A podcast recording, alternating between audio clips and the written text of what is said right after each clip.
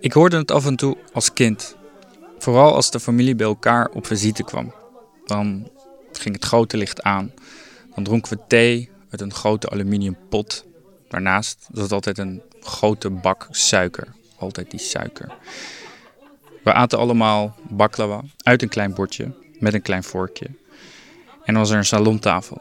Links daarvan stonden pistachenootjes, kokoskoeken en paprika chips. En daar rechts, in exact dezelfde opstelling, stonden ook pistachenootjes, kokoskoeken en paprika chips. Alles was met zorg op tafel gezet. Met mijn neefjes en nichtjes speelden we op de grond, naast die salontafel. Onze vaders gingen soms naar buiten om te gaan roken. Dat mocht daar wel.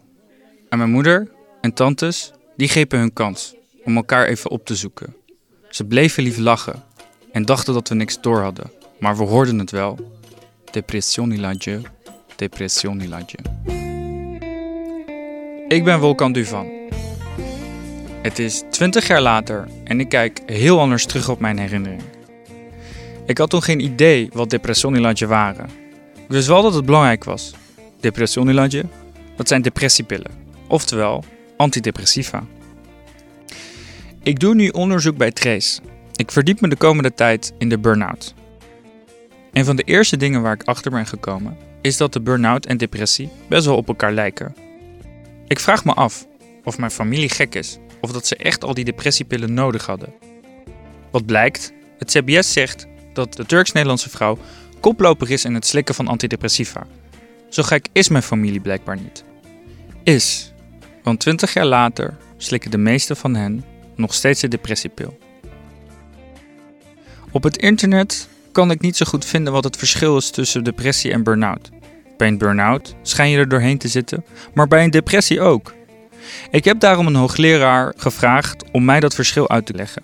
Hij heet Witte Hoogendijk, hij is hoogleraar en hij is hoofd van de psychiatrieafdeling aan het Erasmus MC. Als er iemand is die mij dat verschil kan uitleggen, dan is hij het wel. Nou, het verschil uh, is dat je bij een depressie uh, de symptomen hebt die meer over somberheid gaan. Uh, dus niet alleen uitputting, maar ook somberheid. verminderde interesse in de omgeving. en de andere symptomen van, van depressie. Dus gedachten aan de dood. Dat hoort op zich niet bij, bij burn-out. En waar moeten we dan naar kijken als we het hebben over een overlap, over de overeenkomsten tussen de twee? Um, nou, kijk, de, je kan het zien als continuum, hè, dus stress, overspannenheid, burn-out, depressie. Maar is het daardoor moeilijk om die diagnoses te stellen bij beide? Uh, het is niet moeilijk, maar je moet er wel even de tijd voor nemen. Uh, dus een depressiediagnose is niet iets wat je even in 10 minuten doet. Je moet symptomen echt uh, goed uitvragen. En dat is niet alleen maar vragen van bent u somber. En dan scoort het niet voor diagnose depressie. Ja. En dat geldt voor al die symptomen, daar moet je echt de tijd voor nemen.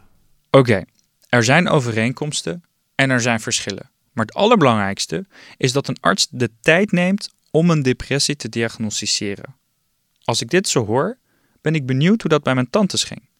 Ik heb mijn tante Noorijn gevraagd of ze met mij hierover wil praten. En ze heeft ja gezegd. Ik ga met mijn tante praten over haar depressie. Um, dat maakt mij best gespannen, dat hoor je volgens mij terug als ik mijn kledingkeuze moet bepalen vlak voordat het interview begint. Kijk, deze blauwe blouse, die is wat meer ingetogen. Blauw van kleur, witte knoopjes, korte mouwen, bescheiden, degelijk. Allemaal karaktereigenschappen die ik zo meteen wel kan gebruiken. Want dit shirt, zwart en met gouden prints erop, is weer meer uitgesproken. En, maar wat zegt meer depressie? Je neemt het niet serieus. Het is echt een wel okay, keuze. Dit is mijn vriendin Aniek. Ik denk wel vaker na over mijn kledingkeuze als ik naar mijn familie ga.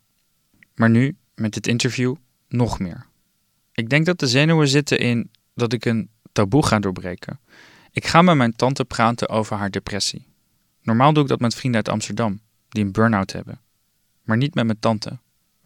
Als kind werden we vroeger buiten dit soort gesprekken gehouden. En nu voor dit programma ga ik het gefluister doorbreken en het hardop uitspreken. Wat gaat er straks in het interview gebeuren? Zal ze eerlijk zijn? Is ze open? Dan trek ik in ieder geval iets aan wat geen aandacht trekt. Iets wat zekerheid geeft. De blauwe blouse. Daar gaan we.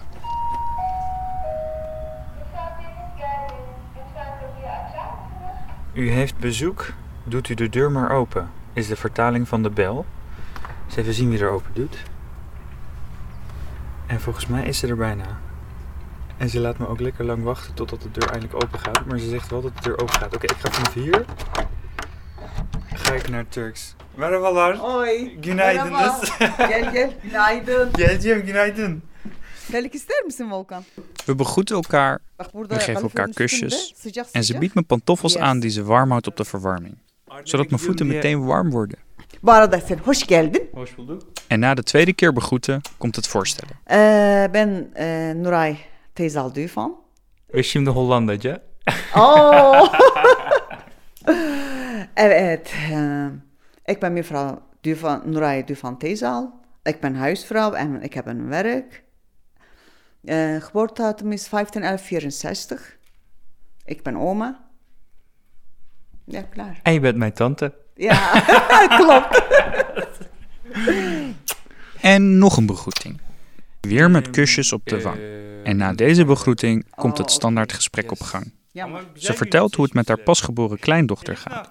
Die schijnt al geluidjes te kunnen maken. tatlı Volkan bir göreceksin. Ay o kadar şeker çocuk ki. Şimdi böyle sesleri de çıkartıyor. Agu magu diyerekten. Dan hebben we het over mijn neef. Hij gaat binnenkort trouwen. Word ik uitgenodigd voor het avondmaal, maar zeg ik die beleefd af omdat ik terug moet naar Amsterdam. Gaat het over mijn nichtje, die is net moeder geworden. En na deze formaliteiten kunnen we het gesprek eindelijk beginnen over haar depressie. En vraag ik haar waarom ik hier eigenlijk naartoe ben gekomen. Ama yengem, niye geldim ben buraya bugün? E sen söyle, sen soracaksın ben Ze zegt, zeg jij het maar. Jij stelt de vragen en ik mag ze antwoorden. Kom maar op. Oh, zij is minder zenuwachtig dan ik volgens mij. Ee, Ik begin met iets wat ik heb bedacht. Ik laat haar een vragenlijstje van het TNO invullen. Het wordt gebruikt om burn-out klachten te meten. En ik ben wel benieuwd wat het oplevert als je het testje gebruikt bij iemand die met een depressie is gediagnosticeerd. burnout, ehm, De eerste vraag is: ik voel me emotioneel uitgeput door mijn werk. Dit verschilt. Soms gebeurt er iets en dat gebeurt iedere dag. Als je overweg kan met dat probleem, dan kan je weer verder. Maar dat is afhankelijk van je gemoedstoestand. Soms is dat vrolijk, maar soms ook vermoeiend. O yaşadığın şeye göre değişiyor yani. Problemine göre, sevincine göre. We lopen het hele testje door. En ze heeft volgens het testje geen burn-out klachten. Misschien heeft ze echt een depressie en geen burn-out. Dit testje was leuk, maar ik ben geen dokter. Ik kan met dit testje niet met zekerheid zeggen of ze nou wel of geen burn-out heeft. Wie haar wel heeft gediagnosticeerd is de huisarts. Ik vraag haar hoe dat ging, daar in die praktijkkamer. Ik heb het hem verteld. Hoe dan? Je spreekt geen Nederlands. Vallahi çat pat. Bir şekilde anlattık yani. Ja, je zat daar. Maar wat zei je dan? Nasıl söyledin yani? Oturdun öyle ne dedin? Ja, dag. Dat ga ik jou niet vertellen. Çünkü yani Kijk, dan gaat de kraan weer dicht. Maar ze vertelt me wel hoe het met haar man bij de huisarts ging.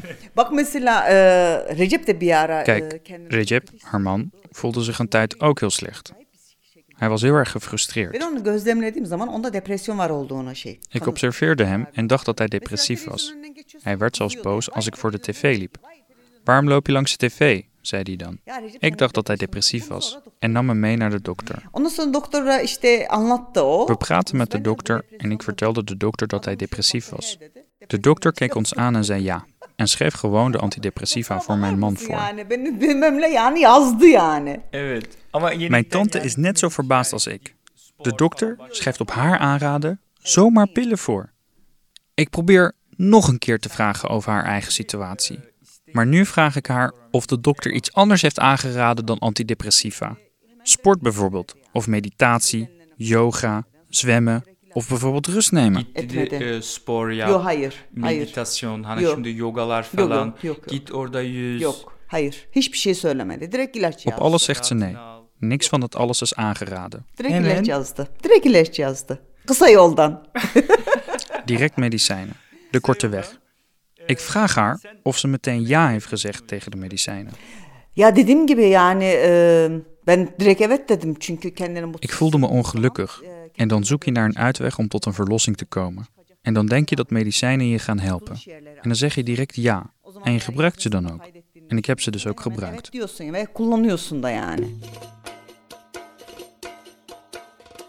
Ik vind het nogal wat dat een arts zo makkelijk antidepressiva voorschrijft. En het lijkt er ook op dat dit het enige is wat hij heeft aangeraden. Vind jij dit een probleem? Beantwoord die vraag nu als je via de Trace-app luistert. Maar laten we niet vergeten dat dit een verhaal is van twee mensen binnen mijn familie. Of staat het voor iets groters? Dat wil ik uitzoeken in mijn volgende reportage.